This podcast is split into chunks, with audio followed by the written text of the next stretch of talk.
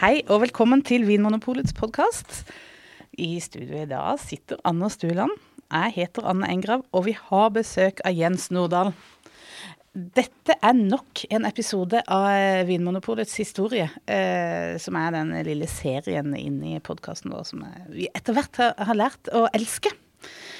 Eh, Anders, eh, hvor er vi kommet i historien, og hva skal vi begynne med nå? Ja, vi har eh, tatt for oss egentlig deler av 50-tallet, men vi er vel ikke helt ferdig med 50-tallet. Det er vi ikke. Eh, Forrige episode snakket vi om hvordan skulle man regulere salget av alkohol, og det var liksom diskusjoner om liksom, eh, type sånne motboksystem som Systembolaget hadde og sånt noe. Og så ble den ballen lagt død.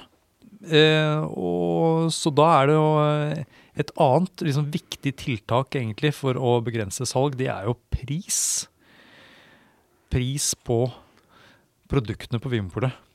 Eh, og, og, der ble det jo litt eh, diskusjon mellom Vinmonopolet og, og regjering og storting, Jens? Ja, det stemmer. Det, det, slår meg, eller det kanskje slår oss når vi leser historien her. altså Vinmonopolet var så aktive på så mange vis i gamle dager. altså De, var, de viste muskler, og de var, det var et form for mot der. Kanskje også et overmot, kan man si. men de hadde jo virkelig kjempet mot eh, en rekke politiske miljøer og avholdsbevegelsen knyttet til dette med salgsrestriksjoner. Vinmonopolet ønsket jo på en måte friest mulig, fordi de skjønte at eh, for mange restriksjoner skaper køer, og det skaper svartebørs, og det skaper hamstring, og det skaper gauking og alt dette andre rare, ikke sant. Når det da gjelder prisen, som du sier her, Anders, så ønsket jo Vinmonopolet selv å sette prisen på brennevin eh, og vin. Altså De ønsket selv å være prismyndigheten, for å si det sånn. Eh, og de ønsket jo at Stortinget skulle liksom beslutte en sånn rund sum som liksom staten ville ha. liksom Noen hundre millioner eller hva det måtte være. ikke sant? Eh, men så var det opp til eh, polet selv å fastsette prisen og styre dette ganske aktivt. Sånn er det på ingen måte nå. Nå er det jo alkoholavgifter fastsatt av Stortinget. Så for meg å lese om hvordan dette systemet da var for en 70-80 år siden, og at polet selv liksom gikk i konflikt med regjeringen og prøvde å tilrøve seg makt over prissettingen. Jeg syns det viser både en spennende kampvilje. Eh, det viser mot, kanskje også overmot, og uansett så ble det jo da en maktkamp mellom polet eh, og regjeringen om hvem som skulle bestemme. Og vi har vel egentlig gitt en del av æren eller ansvaret for denne her, eh, dette motet til administrerende direktør på denne tida. En herr Lindemann. Lindemann. Gunnar. Den gåtefulle Lindemann. Eh, det er jo naturlig å tenke at han hadde fyrt opp under dette motet, da. Ja, han har jo vært en kriger. Altså, han har jo vært en kriger med paragrafen uh, i hånd, for å si det sånn, og med lovsamlingen uh, i, i, hånd. Uh, han har jo, jo, Han har jo liksom aldri dratt det for langt. Eh, og han har jo fått til veldig mye bra for polet, og veldig mye av de ordningene vi har nå, er liksom ting som er støpt eh, og i hvert fall meislet ut på, på 50-tallet. Eh, han var jo, som vi sa i forrige episode, han var jo poldirektør i 24 år. Eh, så det er klart at denne mannen har jo satt eh, dype, dype spor i eh, historien etter seg. men pussig nok, han fremstår for oss veldig anonym. Eh, vi vet lite om hva han har gjort, men at han har vært en, eh, vært en premissleverandør her fra øverste hylle, ingen tvil om det, altså. Vinmonopolets egen Gerhardsen, er det ikke det du kalte han eh, i dette tilfellet? Jo, han, ja. ja. Var han Arbeiderpartimann? Det veit jeg ikke, vi vet ikke det engang. Nei. Nei han, han har visket ut alle spor. Veldig fascinerende. Eh, vi må bore litt mer i dette mysteriet eh, Lindemann senere, tenker jeg, og kanskje det dukker opp noe Jeg, skal, jeg kjenner jeg skal gjøre litt undersøkelser om han. Eh, googler man fyren, så finner man bare ut at han var administrerende direktør i Polet i 25 år, og at han skrev da historieboken som kom da til 50-årsjubileet. Men striden står altså hvem skal bestemme prisen på polvarene? Ja. Er, er det det som egentlig er den tabloide overskriften? Det, det, er det, og det var jo veldig mange avgifter her, ikke sant. Det var annet en, en krigstilleggsavgift som ble innstor, i, altså innført i, uh, under krigen i 1942. Eh, den var jo først da eh, 30% av utsalgsprisen. Eh, så ble den under krigen lagt på til 50% av utsalgsprisen. Eh, dette var en avgift som, som nok regjeringen eide, for å si det sånn. Eh, eller som de hadde innført. Ehm, ehm, et, etter krigen så, så, kunne de ikke kalle dette for en krigstilleggsavgift, for krigen var jo slutt. Da tok man bare byttet ut en, bokstav og flyttet en annen, og så ble det da en krisetilleggsavgift istedenfor. Så avgiften besto, man bare endret marginalt på, på bokstaveringen her. Ord er makt.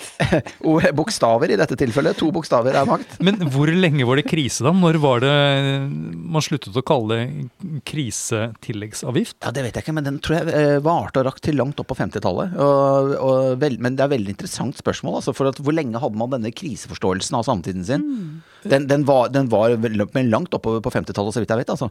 Men kanskje de bare fant et nytt navn på den, da? Ja, For, for å liksom foregripe ting litt. Fordi gikk avgiftene ned?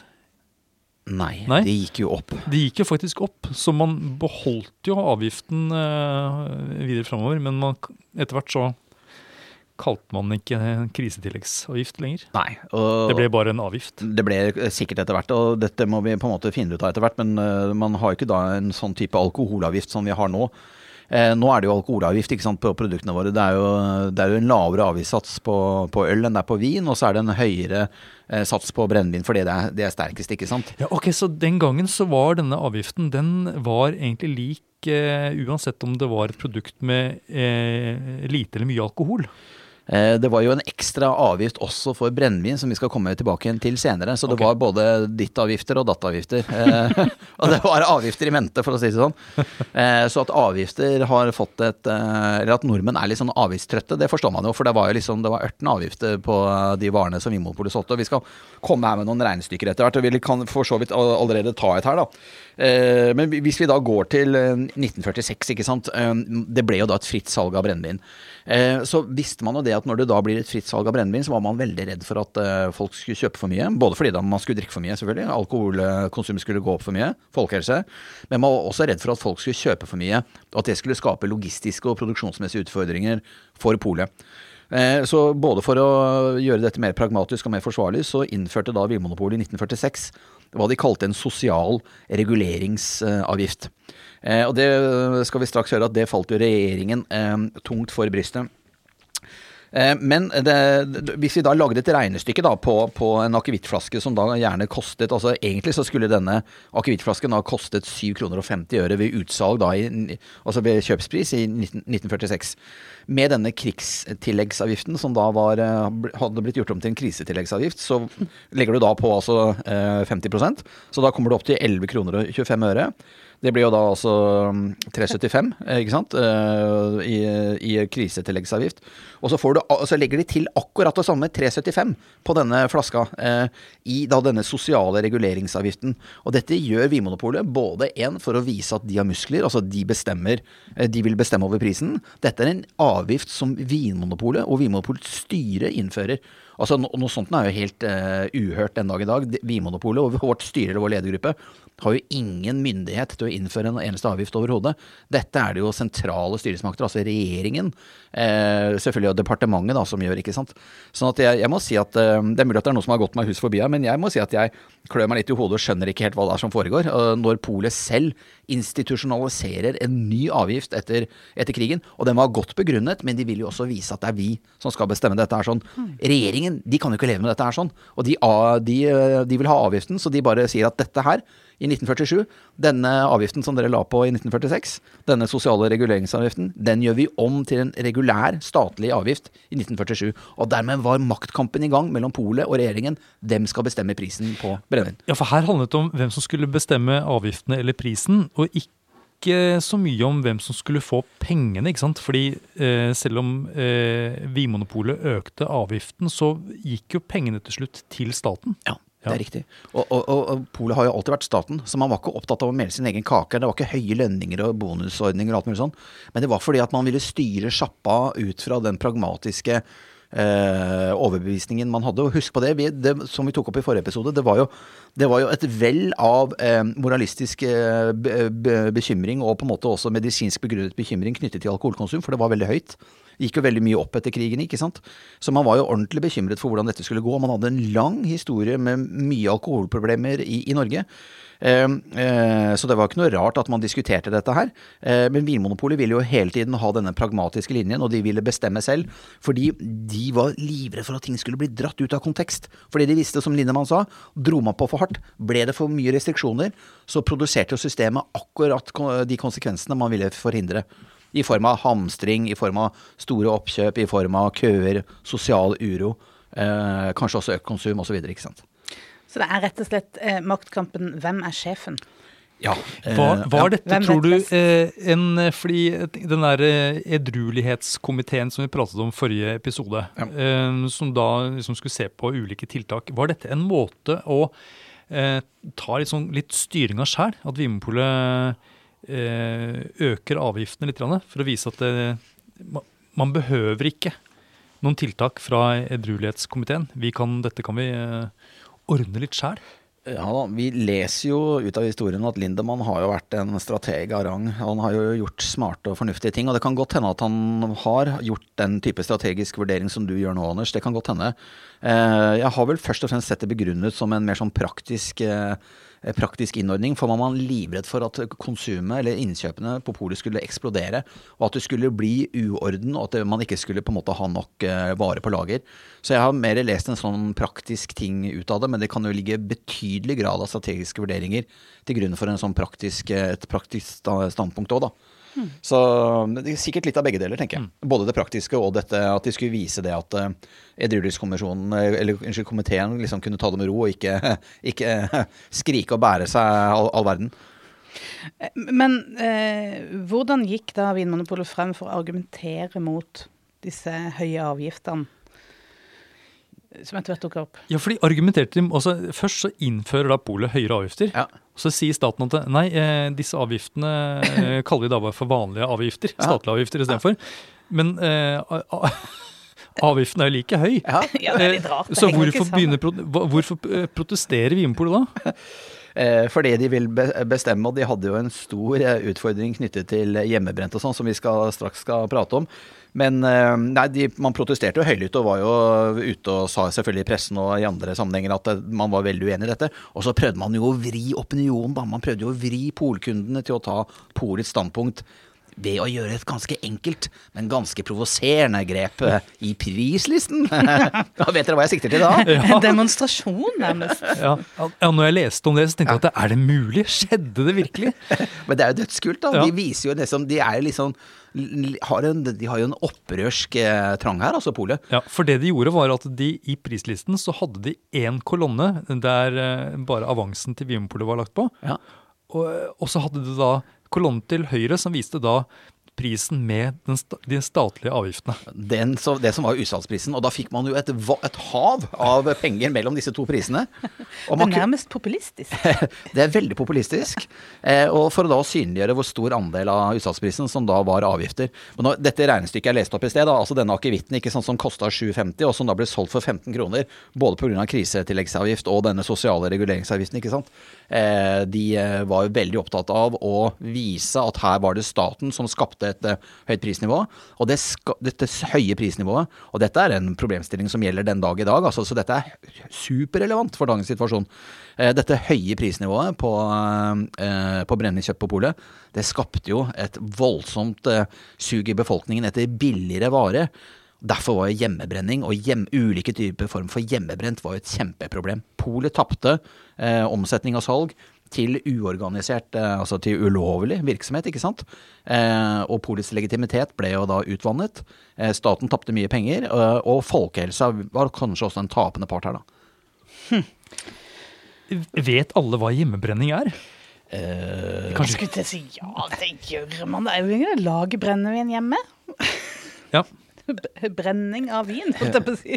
Ja, jeg, jeg, altså jeg, som en enkel gutt fra Asker, har jo vet jo egentlig veldig lite om det. Det er noe de gjør i Trøndelag. Ja.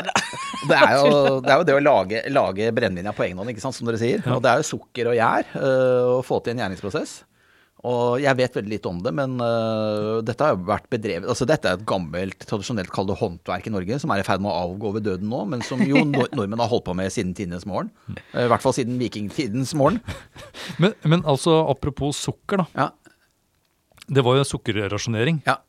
Eh, Han husker ikke helt når den, eh, den Den, den ble opphevet i 1952. 1952, ja. Ja. Og da, eh, da ble det vel enda mer hjem, hjemmebrenning. Da Da. ble det enda mer hjemmebrenning, og dette var et av de tre problemene som Vinmonopolet sleit med. ikke sant? For at altså de, de, de, Vi må snakke litt mer om hjemmebrent, ikke sant? for det er jo så innmari mange rare typer her.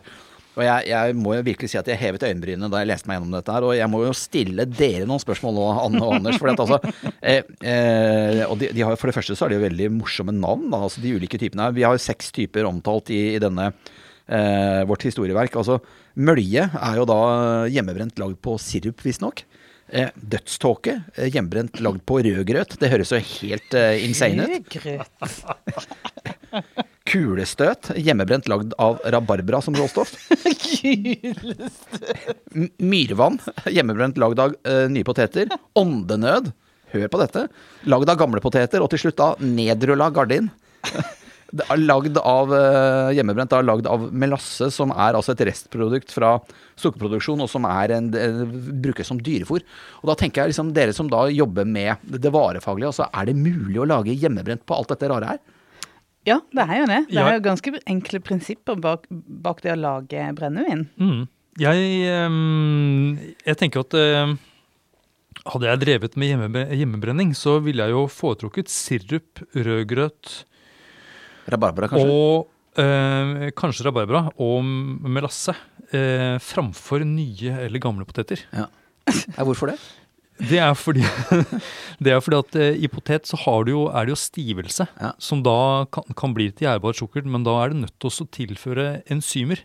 Det er en mye mer eh, komplisert prosess, da. Så når man liksom lager potetsprit, så er det en, en industriell prosess som krever litt mer utstyr enn det en eh, hjemmebrenner eh, har. Men i sirup eksempel, så ligger sukkeret der, Der er det, ja, eh, og, og rødgrøt også, men jeg, jeg tenker at det er jo ikke noe, det er ikke noe poeng å lage rødgrøt først. Jeg skjønner det ikke. eh, for så å sette det til gjæring, så Nei. du får en sats. Og, for jeg tenker, det er jo, kan du like gjerne bare bruke den, det sukkeret eller den safta, eller, ja. Du må, ja, rødgrøt, da har man potetmel i, har man ikke det? Jo, det, jo Og det har jeg hørt at kanskje det.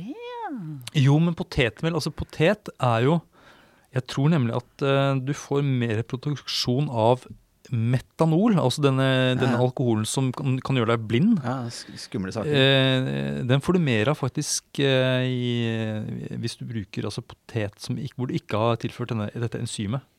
Akkurat. Ja, hvor du har mye, hvis du har mye, Det kan jo forklare pektin. Da, for dødståke.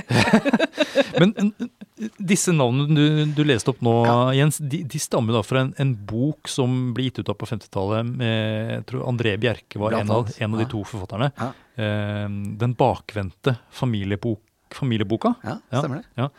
Og, og, og om dette her er reelle eh, hva skal jeg si, produkter, Ja.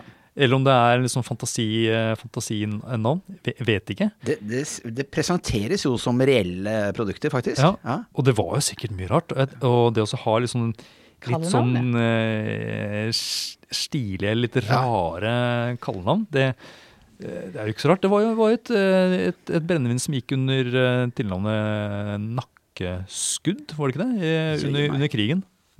Nei. Det, det er jo ikke pent. Jeg vet ikke om det er liksom et innsalg eller en advarsel.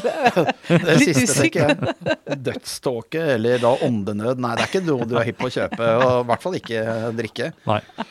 I, I hvert fall så var jo også, Dette var jo den virkeligheten som polet sto overfor, ikke sant. Også, dette var, Kanskje jeg skal legge til en ting, for nå har vi liksom snakket nesten som vi er sånn litt positive til, til vi hjemmebrent. Vi er jo ikke det. eh, Vi er og- nysgjerrige på fenomenet. Ja, eh, og, og, og det er jo en eh, Man løper jo en risiko å, å kjøpe, hjem, kjøpe hjemmebrent, eller, eller eh, brennevin som man ikke vet med sikkerhet er laget av noe som virkelig kan det. Ja, for Ja, ja. det, det, det vil si med at det er jo enkle prinsipper, men det er jo også Det er jo mer enn eh, enn den vanlige alkoholen man lager. Man lager jo også en del skumle stoffer. Ja, Spesielt denne metanolen. Da. Som jo kan drepe folk, rett og slett. Ja. Eh, og som også kan gjøre deg blind. ikke sant? Sånn at eh, hjemmebrent er skumle saker. Ja, Og det er derfor det er forbudt. Det er jo, det er jo altså, all mulig grunn til å understreke det. Dette er jo forbudte produkter i Norge, og har jo alltid vært det. Eh, og er det selvfølgelig den dag i dag. Heldigvis et uh, utdøende håndverk. Eh, det er ikke mye hjemmebrent uh, å oppdrive nå lenger. Og det, det handler bl.a. om at Polet har fått så innmari god tilgjengelighet på butikknettet sitt. Ja, og, eh, og vil jeg legge til at det er veldig lite rød grøt i omløp. Vi har en skjult rødgrøteffekt her. Det er råvaremangel. Ja, altså, men du snakker også da om tre problemer. Det Ja. første problemet var dette at det var veldig mye tilgjengelig hjemmebrent. Ja. Folk kunne, var kreative og Ja. fikk til å lage eh, hjemmebrent av Ja. alt mulig. Ja, og det var derfor Polet sa til myndighetene at vi må ha lav pris på brennevin, og vi vil for øvrig vil vi bestemme det selv.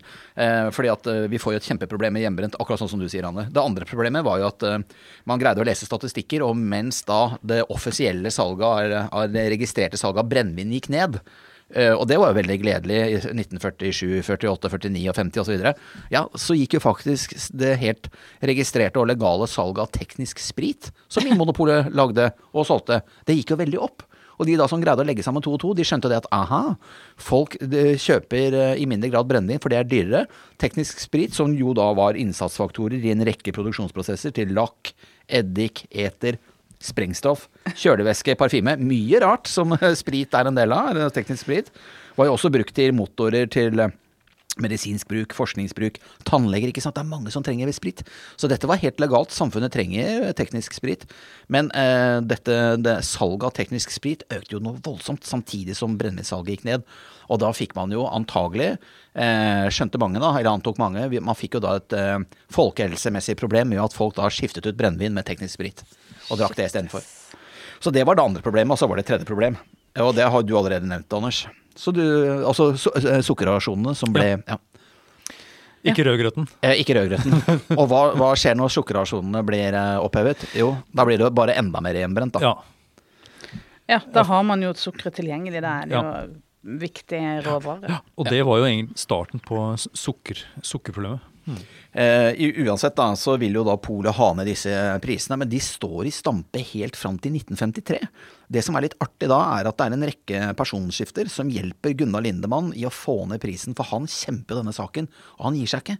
Han er som en, uh, han er som en uh, altså hissig maur eller et eller annet sånt, når han står på altså til the bitter end. Ja, bare at han virker jo ikke så hissig. Han Nei. er bare veldig Han har stamina. Ja, det, han står i det, og det er veldig fascinerende. For at uh, han får jo da endelig hjelp av uh, tre personskifter i 1953. Eh, for det første så kommer det en ny eh, En dame som heter Rakel Severin. Hun blir ny sjef i Sosialdepartementet. Og hun, hun er En dame? En dame! Endelig en dame! Veldig bra. Hun er i hvert fall med, av en mer liberal eh, støpning enn hennes forgjenger, som jeg ikke har eh, navnet på her i farten. Men Rakel Severin hun, eh, hun er veldig pro pole og veldig pro eh, en, en, en mer sånn pragmatisk, praktisk alkoholpolitikk, og har deler da Lindemanns eh, pragmatiske syn. Eh, så er det også slik at ett styremedlem i Vimopols styre, som var avholdsmann, han går av med pensjon da, eller et eller annet sånt, nå, slutter i hvert fall. Så det kommer inn en ny person i styret til Polet som ikke er avholdsmann. Og så får da også Polet De får en litt sånn eh, en, en tøffing, en ny tøffing som styreformann. En Oskar C. Pedersen eller et eller annet sånt, nå tror jeg han heter. I hvert fall Oskar, Oskar C. Eh, og disse tre personskiftene her sånn gjør at eh, Polet da eh, setter ned prisen på det som var det billigste brennevinsproduktet de solgte da i 1953. Eh, setter det ned, eh, dobbeltrenset brennevin som det, det heter, setter det ned fra 18 kroner til 15,50, helt uten at avgiftene røres. Altså her er det polets fortjeneste som går ned. Men så mye betydde det for Gunnar Lindemann. Eh, og faktisk, og han, dette mente han åpenbart, altså. Han var en kriger, og han skulle kjempe dette gjennom. Han mente det. Så han plukket ut ett bestemt produkt som, de da som man solgte mye av, som Ja. man visste at det, Ja. det var blant eh, liksom, de rimeligste brennevinsproduktene allerede. Ja. Det plukket man ut og satte ned prisen på. Ja, Det satte ned prisen rett og slett for å ta tilbake markedsandeler fra hjemmebrenninga, som var et kjempeproblem, og for å gjøre det mindre attraktivt å kjøpe teknisk sprit og bruke det på en eller annen måte. da. Det er jo egentlig genialt. Veldig genialt, men det viser jo det at mannen har jo virkelig tro på prosjektet sitt, og han gir seg ikke. Han er jo en, eh, han avtegner seg historien som, altså gjennom handlinger, da. Eh, Det er jo veldig fascinerende. Så han, eh, Han får folk inn på polet igjen. han får folk inn på polet igjen, og dette her har vært livsprosjektet hans. Eh, og han, eh, han har jo da vært eh, en veldig veldig tydelig forkjemper for denne pragmatiske måten å, å løse det på. Men han hadde flere S i ermet. Han hadde vel. flere S i Kom med det, kom med det. Han ville lage et nytt brennevin. Eh, Det blir selvfølgelig helt feil å kalle det folkebrennevin, men det Rødgrøtbrennevin. ja, det skulle være lagd av altså vi, vet, vi har snakket veldig mye om plankesprit, ikke sant. Brennevin lagd av um, avfallsstoffer fra celluloseproduksjon. Så, og man var jo, folk var jo lei av hva de kalte høvelflissvineriet.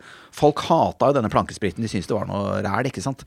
Så de ville jo ha ordentlige varer, og ordentlige varer for mange var jo ting lagd av potet.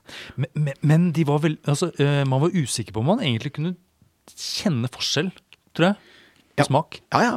Ja, men det, og dette her handler mer om eh, kanskje symbolske aspekter. Men Mm. liksom det, det å drikke planke kontra det å drikke potet. Ja. Ja, så det kanskje det med å kvitte seg med den krigen. Ja, eh, ja, Arven fra krigen. Helt sikkert. I hvert fall altså, så lanserer de da dette brennevinet som de kaller Hedmark brennevin, eh, til 16 kroner eh, per, per flaske. Og forkortelsen Ja, skal du si det, Anders? Ja, forkortelsen ble da HB. Ja, det er genialt! Han tar opp konkurransen med HB ved å lage brennevinet HB. Det er jo nydelig. Gunnar Lindemann, jeg elsker den mannen. Så det er istedenfor å flotte seg med noe sånn der type eh, very special eller noe sånn derre gull... eh, Gullbrennevin, eller eh, så er det liksom Ja, det er en annen kundegruppe han sikter seg inn mot det.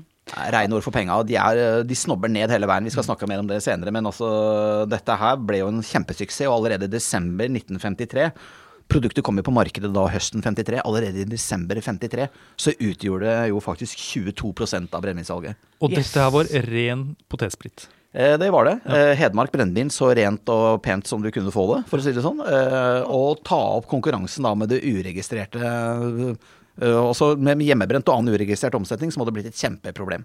Og så et lite knepp opp fra, eh, sånn prismessig fra det billigste brennevinet, men altså da 50 øre. Men det var potet, da. Ja. Og ikke dobbeltrenset eh, plankesprit, ikke sant. Ikke sant? Så jeg får inn en sånn en slags sånn derre eh, Han gjør noen grep her. som Han, han, han får folk inn på polet igjen, og så får han dem til å begynne å tenke litt på kvalitet. Ja. Ja, så han, Ja. han, han, er, han er smart. Finurlig. Veldig finurlig. Jeg, jeg Han- han tillegger er en- han alt. All æren her. Han, men det er veldig interessant å se hvordan dette avtarner seg. Og det er klart at i kjølvannet av denne suksessen da, med, hjemme, med Hedmark brennevin, så blir jo han styreformannen som jeg, som jeg ja, Oskar C. Gundersen heter han. han. Han blir jo litt vel høy og mørk, da. For at han eh, de, de er jo nå, nå er jo liksom Vinmonopolet på en god bølge her, ikke sant.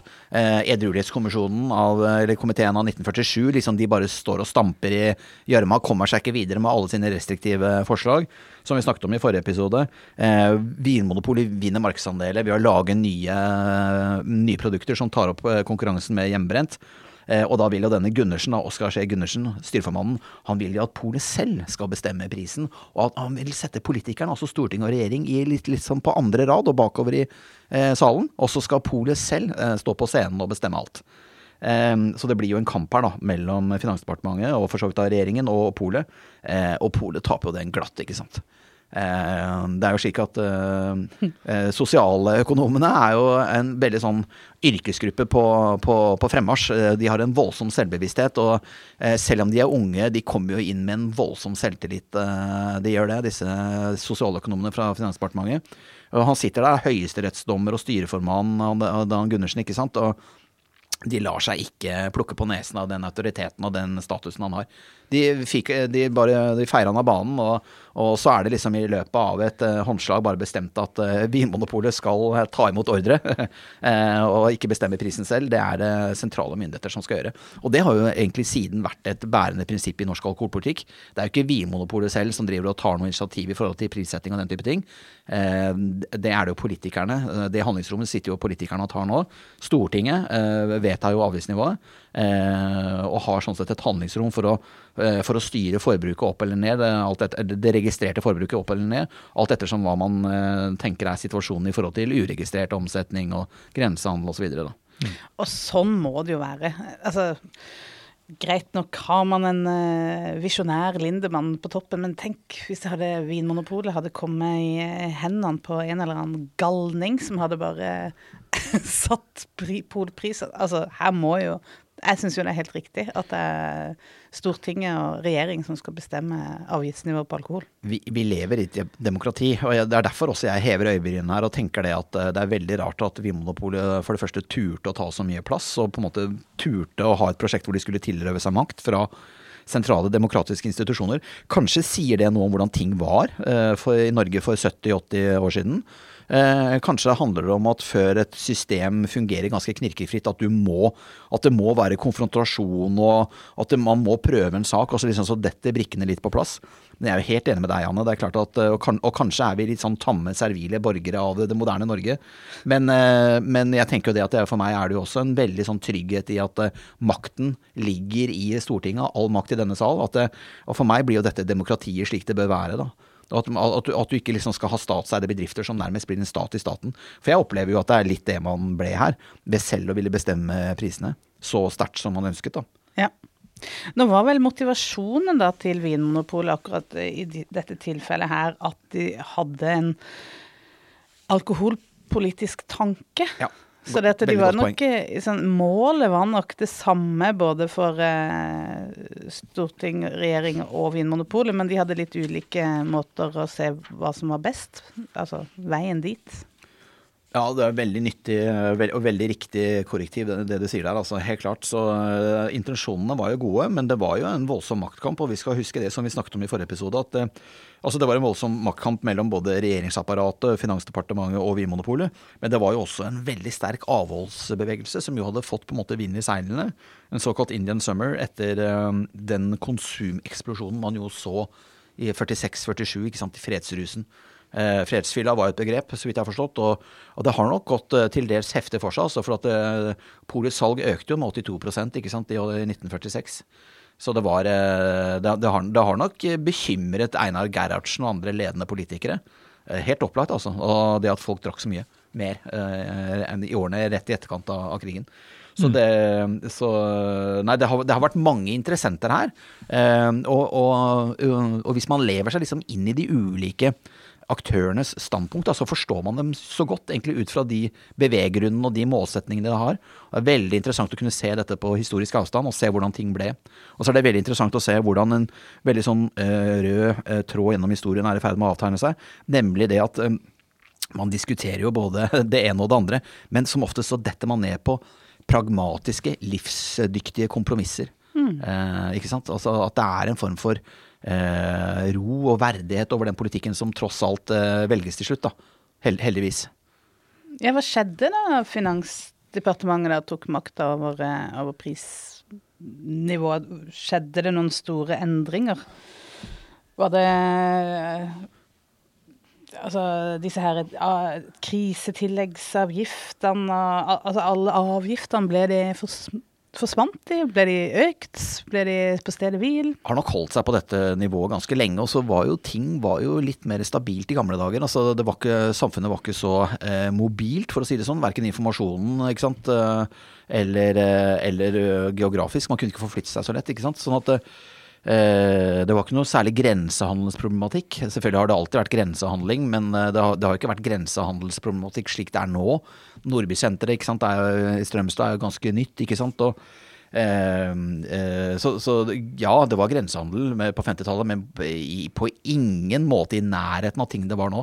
Nei, man, Ting var nok mer stabilt både i forhold liksom, til konkurransesituasjonen, eh, med, med, unntak av hjemmebrent. da, eh, og ting har nok også vært eh, og der, Derfor kunne man også føre en ganske sånn stabil avgiftspolitikk. Så det bildet jeg har greid å danne meg, uten at jeg skal bli for bastant på det, er jo at ting er jo egentlig ganske stabilt. Og det er liksom først på 70-tallet og 80-tallet, når det kommer polstreiker, ikke sant, og det trigger eh, kriminelle nettverk som da begynner å smugle, spritsmugle i stor eh, industriell skala, ikke sant, og det gir jo også sikkert et boost til eh, hjemmebrenning på nytt. Eh, det er jo først liksom nå Og etter hvert så får du jo mye bedre veier til Sverige, ikke sant. Men firefelts motorvei til Sverige fra Oslo fikk du jo først så seint som i 2008-2009, ikke sant. Og det er for øvrig noe som vi ser boomer grensehandelen nå voldsomt. Så sent som i 2012 at eh, Systembolaget åpner sitt andre systembolag i, i, Strømstad. ikke sant? Så veldig mye av det som er Vinmonopolets verden og virkelighet i dag, er jo ting av relativt ny dato. Ting var ganske mer sementert eh, og veldig mye mer stabilt, vil jeg si, på, på 50-tallet og 60-tallet. Det norske samfunnet, akkurat som det endret seg mye mye saktere, egentlig, enn det det gjør nå. Mm. Eh, tenker f.eks. Liksom på antall kommuner som hadde pol. altså liksom Det var 46 eh, butikker vi hadde i 20 kommuner liksom år etter år etter år. etter år, og så, så begynner en form for modernisering litt utover 70- 80-tallet, kanskje. Men det er, liksom, du, det er ganske sånn altså det er en det er nok en form for stabilitet som preger Norge under Gerhardsen også. Eh, og det er et stabilt lavt alkoholkonsum gjennom veldig mange år. Så jeg vil sånn sett 50- og, 50 og 60-tallet liksom går sammen i en, i en stor grøt, en stor rød grøt. og, og det er liksom først når det kommer til den kulturelle revolusjonen liksom på, på slutten av 60-tallet, liksom, det er først når Beatles begynner å få langt hår, eh, og Sgt. Pepper og sånn, det er først da det begynner å ta av. Det er først da vi liksom ser at det, det er, sånn, Da finner jo Norge olje, ikke sant, og du får eh, mer eh, mer kjøpekraft i landet, og der likestillingen tar form. Så liksom det er først da at det begynner å skje noe. Men vi er fortsatt et, et godt eh, tiår unna der, altså. Så det, får, det blir jo neste episode. Ja. Men vi er ikke helt ferdig med 50-tallet ennå. Nei, nei. Nei. Hva er det vi må huske på? Ja, for vi har jo snakket om stort sett altså Vi har egentlig bare snakket om norske eh, produkter så langt. Ja. Eh, og, og det var jo sånn at det, det ble jo solgt utenlandsk brennevin også. Eh, noe ble jo sendt på, på fat og så eh, tappet på flaske eller blandet ut eh, til sånn såkalt forskåret brennevin. Ja. eh, I Norge, og så var det noe som ble solgt da på originalemballasje, som ble da skippet opp i flaske, rett og slett. Ja. Og det var jo dyrere ting. Og det, var jo, og det ble da enda dyrere når man da hadde avgiftene på toppen. Ja, ja. Og det var jo Det var vel ikke noe som Vinmonopolet syntes var så stas, egentlig. Fordi de ønsket vel kanskje også å få folk litt over på altså, kvalitet. Det, det var det med at eh, potetspriten, f.eks. At eh, eh, det var vurdert som bedre om eh, Vinpolet introduserte den derre Hedmarksbrennevinet. ja Så, så eh, hvordan, eh, hvordan løste de det? Man hadde en sånn kongstanke om at eh, en dannet omgang med alkohol ville følge i de fine varenes fotspor. Eh, Sa man det? Ja, man, det, og det, jeg lurer på om det nesten er et sånt Gunnar Lindemann-sitat igjen. Ja, altså. Eh, han er, eh, det er en sånn typisk ting som han kunne sagt. At eh, fine vaner får du i kjølvannet av fine produkter, altså, rett og slett. Eh, Jeg tror jeg kanskje han bomma litt, men, eh, men eh, mulig. Kanskje ja, men, ikke. men det, det, er, det, er, det, er, det er uttalt der, eksplisitt i historien, faktisk. Så, og det var sånn man tenkte, i hvert fall. Ja, rett, rett, rett sånn eller galt. Rett eller galt. ja.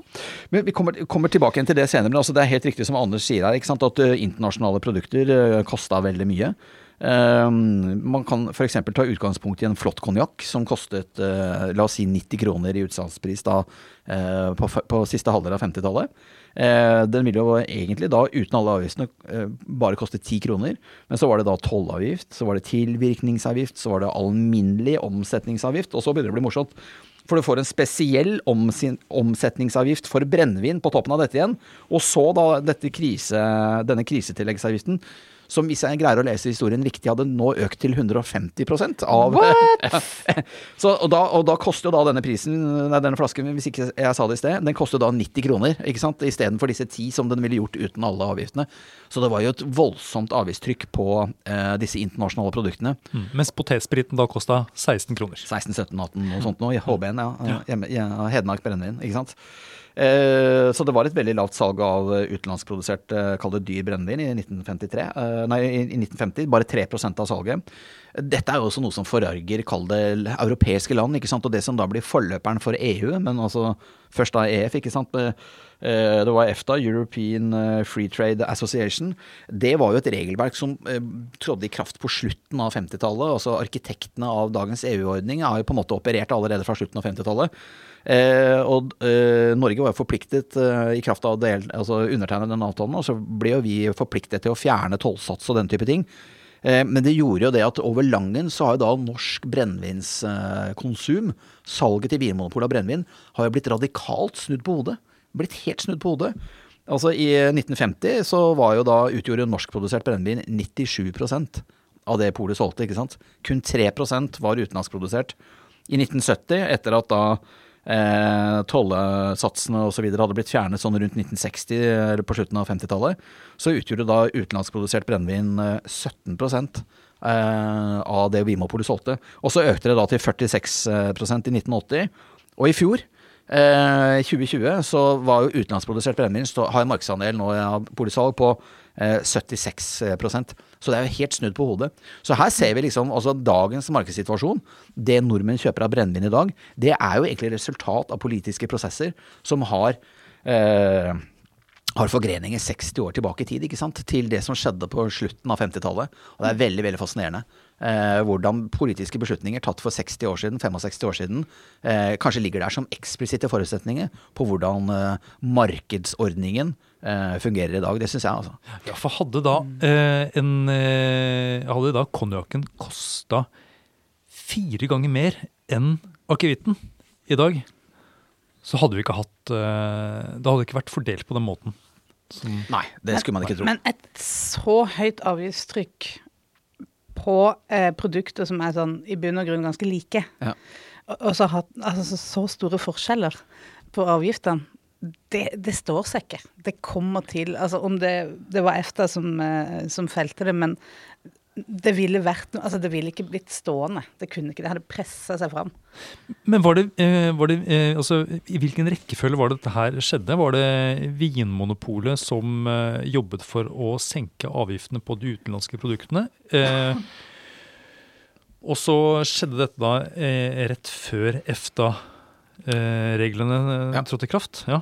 Eh, Vinmonopolet jobbet for å få ned prisen på dyr brennevin, det er helt riktig. For de tenkte jo at drikker folk finere, så drikker de også bedre. Altså de drikker mindre, det blir mer kultur og, og mindre fyll. Da. Altså det var rett eller galt, litt som du var inne på i sted, Anne. Rett eller galt, så var det den tanken man hadde. Man trodde det at uh, alkoholisme og på en måte problemer knyttet til fyll skulle bli mindre om det var uh, gode, uh, altså høykvalitetsprodukter man, man eh, drakk, da. Fremfor, eh, fremfor mer sånn eh, blockbusters. Eh, eh, så ja, eh, Vinmonopolet ville ha lavere pris på de dyre produktene. Eh, og jobbet for det, men eh, de fikk jo ikke det igjennom før Finansdepartementet og regjeringen da skjønte at slaget var tapt. For det var jo ikke altså Norge hadde jo undertegnet denne EFTA-avtalen, så vidt jeg forstår. ikke sant? Og da, da, var, da bordet fanger. ikke sant? Da, da måtte du fjerne tollsatsene, da. Så det, det var ikke en seier Polet fikk eller tok del i før eh, helt andre beslutninger eh, gjorde det helt nødvendig eh, for norske myndigheter å akseptere at den tollen, tollsatsen skulle vekk. Da. Og da, men da gikk jo også prisen på dyrt eh, utenlandsk brennevin eh, betydelig ned, ikke sant. Og du fikk ja da de- denne overlangen, denne effekten av at eh, salget av utenlandsk brennevin økte på bekostning av det norske. Og dette her, altså, uh, dette her med liksom uh, Med denne uh, Altså, Vi- Vinmonopolet de pusser jo også identiteten sin ikke sant, utover, utover 50-tallet. Så de, de er jo opptatt av å snakke det gode den, de, altså de, det gode varefag, da, som jo dere er eksperter. ikke sant? Dette var jo noe det, disse innkjøpssjefene og Eh, poltoppene var veldig opptatt av på 50-tallet. Ta tilbake det de hadde eh, vin, Altså vinhandlerbransjens vinfokus. Det ønologiske, liksom. Altså agrikulturelle kunnskapen. Det var Smak og kultur. ja, transparens, jordsmonn, ikke sant, stedegenhet. Altså det at man begynner å snakke om produktene som noe annet enn en rusdrikk, det var jo en, det var en retorikk og en, på en måte en profil som man var veldig opptatt av å få relansert igjen på 50-tallet. Ja, for disse folka som var interessert i det, de hadde jo egentlig fulgt med hele veien. Eh, Ja. Så det var bare at nå De begynte å skrive bøker. altså Håkon Svensson, eh, blant annet, som var sentral i denne innkjøpskomiteen, blant annet. Innkjøpssjef som han var. Innkjøpssjef, ja. Ja. Eh, Han, eh, han skrev jo eh, en bok om vin og brennevin, men også liksom bruken av det, sånn til, til mat. Absolutt. Og så begynte det å dukke opp tips og, og råd til bruk av drikke på en sånn fornuftig og god måte i, i prislistene. Det også. Ja, så man begynte å bygge denne mat- og drikkekulturen på en, på en annen måte. Og så var det jo nøkternhet der òg, da. Man ønsket jo på en måte å løfte fram eh, eh, produktenes unike kvaliteter, og på en måte snakke om dette som eh, kult kulturelle produkter, agrikulturelle produkter. Men det var jo også nøkternhet som preget det norske. ikke sant? Det skulle ikke være jåleri og snobbete. Og du nevnte i sted, Anders, dette er med gullforgylte etiketter og liksom lange navn og trestjerners systemer og alt mulig sånn. Polet var jo da også en produksjonsbedrift, ikke sant, som vi jo vet. Og Polet hadde da egne produkter, og de var jo mye mer nøkterne. Man kalte det liksom trestjerner, eller altså man kalte det akevitt og ferdig med det, liksom. Eh, Dobbeltrensa brennevin. Altså det var, det, var en, det var en nøkternhet både over etikettene, eh, over varenavnene, men også over de varefaglige rådene som ble gitt fra Vinmonopolet. Men det var varefaglige råd eh, for å få folk da, til å drikke svakere og til å drikke finere, for å få ned fylla, for å si det litt enkelt. da. Ja, det, Det er var litt sånn, sånn vi tenker. ja, det var sånn som at ja, det, det, det kan holde med to ulike viner eh, til, eh, til en måltid. Og hvis du gjør det enda enklere, så var anbefalingen da å bruke champagne. fordi det går da til, det går til eh, alle delene av måltidet. Det er det nøkterne valget. Det er så morsomt! Hvis det blir for vanskelig å finne flere produkter, bare kjør champagne hele veien. Men jeg syns det er fascinerende med Vinmonopolet på den tiden, eh, som da altså som produserer da i bøtter og spann mange millioner liter med både plankesprit og potetsprit Ja. eh, på den ene siden. Eh, men så har de da eh, ganske eh, bra med eh, utvalg på, eh, på flott Bordeaux. Ja, virkelig, altså. Altså, de hadde jo nesten alt eh, som kunne krype og gå av de øverste tre klassifikasjonene fra 1855-klassifikasjonen i Bordeaux, f.eks. Som er på en måte Det er jo eh, ja, eh, top of the pops. Det eh, fantes da i listene i, i denne perioden, samtidig som man drev med, med plankesprit. Altså, det er mulig jeg overdriver og forenkler litt nå, men er det fremdeles spor etter denne her profesjonskampen? Er det side om side ingeniørene som eh, lager dobbeltrensa potetsprit eller plankesprit, og eh, og også disse her gamle vinhandlerarven som eh, henter inn eh, Bordeaux? Skulle man tro, altså. Ja, jeg vet, altså Innkjøpsavdelingen har jo fremdeles en sentral posisjon i Vinmonopolet i dag. Eh, men nå driver jo ikke vi med noe produksjon lenger. Så den, altså den biten med, altså med Mange av ingeniørene ble jo, ble jo liksom med den andre biten når, eh, når vi skilte lag på 90-tallet. Mm. Ja, den, den, den forsvant der. Så, men tilbake igjen på 50-tallet, Ja. så, så, så handlet det jo om å eh, gjenvinne storhetstiden fra 30-tallet, faktisk. altså. Eh, Ja. For det hadde vært så innmari mange, og du var innom det her i sted, Anders, det hadde vært så innmari mye bra produkter på markedet på 30-tallet. Mm. Eh, og det var jo rasert under 40-tallet 40-tallet og krigen, ikke sant? Og importstopp og alt dette her, eh, basically.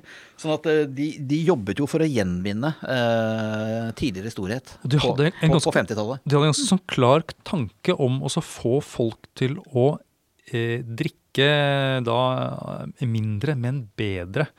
Og da hadde de et sånt, eh, et sånt eh, trappetrinnsystem for flere sånne produktgrupper, bl.a. Eh, portvin, sherry, men også eh, brennevin. Så hadde de da altså det helt sånn enkle basisproduktet, og så var det da flere trinn oppover. Og da skulle det ikke være for stort spenn prismessig mellom. Eh, Mellom hvert trinn? mellom hvert trinn. Så det gjorde at eh, sånn, hvor produktet ble plassert i trinnene, eh, bestemte mer prisen enn egentlig eh, hvor mye produktet faktisk kastet å produsere eller eh, å kjøpe inn. Så avansen Yes. var veldig forskjellig fra hvor på trinnet produktet var. Og det var rangert etter kvalitet. Ja, og, det, og, det, og dette her var rett og slett for å få folk til å lettere eh, liksom komme over på en ø, høyere kvalitet. da. Og igjen denne setningen som jeg noterte ned der da jeg leste boken. ikke sant? En dannet omgang med alkohol vil følge i de fine varenes fotspor. Det var jo det man mente på den tiden, rett eller galt. Eh, Jeg gir deg rett i det, Anne. Det kan være galt, men det var jo sånn de tenkte. Det var alkoholpolitikk. Det var alkoholpolitikk, og man så for seg da som sagt eh, bedre folkehelse og mindre fyll, som sagt, eh, hvis folk drakk, drakk godt og, og dyrt, til dels dyrt. Eh, Men igjen, da, denne nøkternheten den, den preger jo polet, og ikke minst da vare, vare Altså de varefaglige rådene som han gir. Og jeg syns det er litt morsomt her. Han Håkon Svensson han advarte mot endeløse menyer og orientalsk overdådighet. Det syns jeg er litt morsomt. Hva er det? Orientalsk overdådighet? det høres ut som en ny mattrend, egentlig. Er det mye av det på Kolbotn? Nei, det, det er ikke det. Men jeg var en gang på en konferanse i Bahrain. Ja vel. Det, og der var det en sjeik, for han, han sjeiken han trengte å brande seg litt sånn eh, i den vestlige verden. Så han hadde kjøpt seg en diger konferanse, en alkoholpolitisk konferanse. Eh, og der skal jeg love dere at det var eh, orientalsk overdådighet. Da var vi på et sånt palast til en sånn eh, arabisk sjeik. Tuller du? Nei, nei, nei, nei, 40 varmegrader, og Bahrain, altså det var liksom, der er det 40 varmegrader året, året rundt. Vi var ute og badet i den persiske gulf midt på natta der, og det var ikke samme sjeiken, altså, men det var samme, de, de nordmennene jeg reiste sammen med. Og det var supervarmt, va- supervarmt var, vann, rett og slett. Men det å være da på et sånt eh, palass, et sånt orientalsk palass, hvor en rik arabisk sjeik disker opp med alt han har, helt vilt. Det var en raushet og en overdådighet. Jeg har aldri opplevd eh, maken. Det var etasje på etasjer eh, med festbord og med digre anretninger med masse god mat og masse folk fra hele verden som eh, suste rundt, og det var, det var som et eventyr. Så når de, denne, denne mannen da advarer mot orientalsk overdådighet, så vil jeg nesten slå et slag for det, for det var, det var et minne for livet. og jeg sender en varm tanke til denne arabiske sjeiken når jeg gjør det. Så det er de rareste situasjonene man kan havne i hvis man jobber i polet. Sånn er det. Oh, jeg kjente jeg fikk lyst til å fortsette litt med det, men jeg, jeg tror vi må Jeg tror vi må ta det på privaten igjen. Ja, det får vi heller gjøre. Men eh, nei, det, alt var ryddig og pent. Og Bahrain, altså, jeg bare sier det bare Der er det jo gamle gravhauger, og de, man har funnet gamle samfunn. Altså, det er noe av det Man lurer på om Edens hage kommer fra Bahrain. Eh, man har funnet over 5000 år gamle by der. Eh, altså, det er ekstremt gammel sivilisasjonsminnesmerker som lar seg grave opp av ørkensanden. Eh, det er så liten plass der. altså Halve øya er da en, en amerikansk militærbase. sånn at eh, når de skal bygge ut eh, hovedstaden der, Manama City, så er det så liten plass på land at de må bygge den utover i vannet. Utover i den persiske gulf. Nå- Så de, de utvider byen utover i vannet. Jeg syns det var kjempespennende. Så eh, Bahrain, verdt en tur altså for de som eh, har lyst til det. Men vi må jo, vi må jo, altså, vi, vi må jo ta med oss eh, et eh, relikvie, for å si det sånn, eller en, på en måte en levning fra 50-tallet her. Ja. Eh, vi må eh, jo snakke om dette designikonet vi har av en, eh, av en logo. For den, det er jo en levning fra 50-tallet. Vi må ikke er glemme den. 50-tallet, ja. Ja. 50-tallet ga oss, ga oss polrosa. Ja, og, og, og for de som da ikke vet hva polrosa er, så er det da denne øh, øh, Ved. veden Ja, Øh, som, som er da sånn tegnet litt sånn filigrant med sånne løkker Ja. rundt. Sånn at det eh, ser ut Det er nesten som en, nesten som en blomst, ja. Med en V i midten. Det er sånn alle blir brennmerka med når de får kontrakt. Fast jobb på polet. De tøffeste har den som tattis. Ja. Men eh, ja, så det betyr at den polrosa, den eh, Det var ikke noe som Vinmopolet fikk eh, når det ble opprettet. Det kom først da eh, på 50-tallet. Ja, og vi har ikke fått bekreftet det helt. Og jeg, det kan jo nesten høres litt spekulativt ut, men det er nok og det er jo veldig fristende å se dette her i, i sammenheng med noe annet veldig rojalistisk da, som skjedde på, på 50-tallet. I- For at Polet har jo da logoen man har eh, fra starten og fram til 1956. Eh, det er jo en V. Eh, som står midt inni en helt sirkelrund si- sirkel. Altså, den er perfekt eh, sirkel. Eh, denne denne O-en og, og V-en, for å si det sånn, er jo Vimopols logo da helt fram til 1956. Hva er det som skjer i 1956? Jo, gamlekon Håkon begynner å hoste og harke, og han er ikke helt i toppform lenger, og man skjønner at det kan kanskje seg Kanskje nærmer seg et kongeskifte, ikke sant. Og hva heter sønnen? Jo, han heter jo Olav. Og hvilken uh, Olav er han i rekken? Nemlig nummer fem. Og hva får du da hvis du tar en, eh, en, en O og en V? Jo, da blir jo liksom da Hva, hva er det man kaller det? Våpenskjold, eller altså merket til Olav? Altså Olav den femte? Kongemerke. Kongemerket til Olav. Det blir jo akkurat det samme som Vinmonopolet. Det blir en V inni en O. Og det gikk jo ikke an at, eh, at eh, kongemakten og polet, som solgte rusmidler, eh, hadde samme logo, for å si det sånn. Det er jo helt eh, Det går ikke. Eh, og vi har jo funnet fram her logoen til polet og da kongemerket til Olav 5. Og det ser jo, det ser jo skummelt likt ut, altså. Det gjør jo det. Det gjør Det det. gjør det. Ja, det, det gjør det. det. Jeg skjønner at eh, noe måtte gjøres. Noe måtte gjøres, og da var det denne konkurransen som ble utløst, eh, eller utlyst i, i 55-56, noe sånt nå. I hvert fall så er det en kunstner som heter eh, Herman eh, Bondgaard, Bondgaard, som vinner den. Han er en veldig flink fyr, altså. Eh, og Anders, du er jo også kunstner, og en veldig flink kunstner sådan. jeg kjenner mange som har dine verker på veggene. Men altså, eh, denne Bondgaard var jo glasskunstner og eh, lagde bokomslag og serviser. Som kunstner, Anders, hva tenker du når du ser denne logoen til Polet? Det har du for så vidt allerede sagt, men når du ser glasskunsten hans, og når du ser møblene han har lagd osv. Altså, det- han har da et ganske stilig uttrykk, har han ikke det? Ja, for å bruke det som min datter eh, pleier å si, det er edgy. Ja, Mm. Jeg syns det er stilig. Det er raffinert. Det Det er, det er eh, enkelt. Ja, eh, det er noe litt sånn en type letthet over, eh, over det han lager. Ja. Noe litt sånn delikat, men allikevel sånn mm, ja, presist og med fine fargekombinasjoner. Jeg, jeg kjenner jo ikke spesielt godt til Herman Bongård, må jeg innrømme. Men jeg er jo veldig glad i polrosa. Ja. Jeg syns, jeg, jeg det er et, Tidløs. et, eh, et fint emblem. Ja. Um, og jeg er jo følelsesmessig knyttet til det, da, siden jeg jobbet så lenge i Vinmonopolet. Jeg, er jeg er stolt av uh, Polrosa. Det er jeg òg, og den er jo snart 70 år gammel. eh, Og den står seg den dag i dag. Og hvis noen liksom skulle begynne å kødde med Polrosa, da tror jeg det hadde blitt ganske sint. Jeg husker det var oppe på et eh, møte en gang, at eh, det skulle være eh, skulle ha en ny sånn visuell identitet, som det heter. Og da var det noen eh, designere som spurte må vi ha den der Er vi helt nødt til å ha den der rosa? Det er bare et tydelig svar. At, ja, det, det er vi faktisk nødt til. Det er en levning fra 50-tallet som er høyst levende den dag i dag. Og det var jo en kåring her i A-magasinet for noen år siden hvor man skulle kåre 30 norske designikon, tror jeg det var. 30 norske designikon. Og grunnen til at jeg nevner den konkurransen, selvfølgelig, Polrosa var jo blant eh, disse 30 norske designikonene. Ved siden av eh, Stokkestolen og, andre ting. Så, så den står seg godt. Og jeg tror den også har på en måte Den har vel liksom brennmerket seg kanskje litt inn i den norske folkesjela også. Så det er en eh, Og jeg legger også merke til nå på enkelte eh, Enkelte på en måte husfasader og sånn, at vi, vi har ikke skilt hvor det alltid står Vinmonopolet. Det er bare noen ganger så står den rosa ut. Og, på Og det er nok, ja. det er, at det er nok. Jeg, jeg syns jo den er Og det er jo litt sånn yrkesskada vi har blitt etter hvert, da, men jeg syns jo den er Jeg synes den er vakker. Og jeg, jeg merket det når jeg fant ut at det var denne Bondegård som hadde lagd den. Eh, jeg sender han en varm tanke, og jeg får lyst til å kjøpe noe av glasskunsten hans. Jeg gjør det. Ja. Hvordan ser Systembolagets merke ut? Jeg, jeg tror ikke det er fra Jeg tror ikke det er fra Er det det? 50-tallet. Jeg, jeg, jeg, jeg prøver å se det for meg, jeg, jeg Er det ikke noe gult og Jo, det er gult og grønt. Gult og grønt, ja. Ja, men, En bananrepublikk verdig.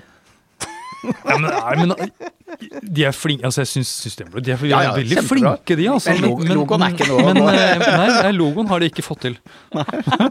Nei, der kunne de tatt en runde til, egentlig. Ja. Men i det hele tatt er det jo veldig eh, mye sånn klassisk tidløs design fra 50-tallet, så vi var jo litt heldige med at det var da vi bytta logo. Det kan jo kanskje se ut som Systembolaget bytta en gang på sånn 80-tallet, kanskje? ja, seint 70-, tidlig 80-tall. Ja. Så de var litt mer uheldige med kanskje den timinga der. Ja, nei, men Vi skal ikke snakke ned svenskene, det var ikke noe mening å gjøre det. Absolutt ikke. Og vi Absolutt elsker. Systembolaget og har god kontakt med dem, så vi, vi, kjenner, vi sender varme tanker over, over til Sverige. Ja, det- Særlig nå, ja, nå når grensen er stengt det og vi tar alt salget. Ja, spesielt nå. Fred være med dere. Nei eh, Er vi ferdig med 50-tallet snart, eller? Jo, nå nærmer vi oss eh, Eller er det noe dere, er det noe dere brenner inne med her? Nei, Nei. da blir det 60-tallet Vi, vi neste episode. fortsetter med 60-tallet. Vi, vi, vi vil fortsette litt og høre hva, hva mer Gunnar Lindemann eh, Hvilke spor han setter, eh, og hva, hva skjer i Norge på 60-tallet. Ja, i det hele tatt. Det blir neste episode. Vi har spennende ting i vente da. Ja, det kommer annet en ønolog, ikke i studio altså, men eh, inn i organisasjonen. Oi, Og hva det. kan det avstedkomme av, Finurligheter. Ja, det, det blir neste episode, det. Takk for at du hører på Vinmonopolets podkast. Har du forslag til et tema i podkasten? Send mail til podkast at vinmonopolet.no. I tillegg svarer kundesenteret deg på e-post, chat og telefon.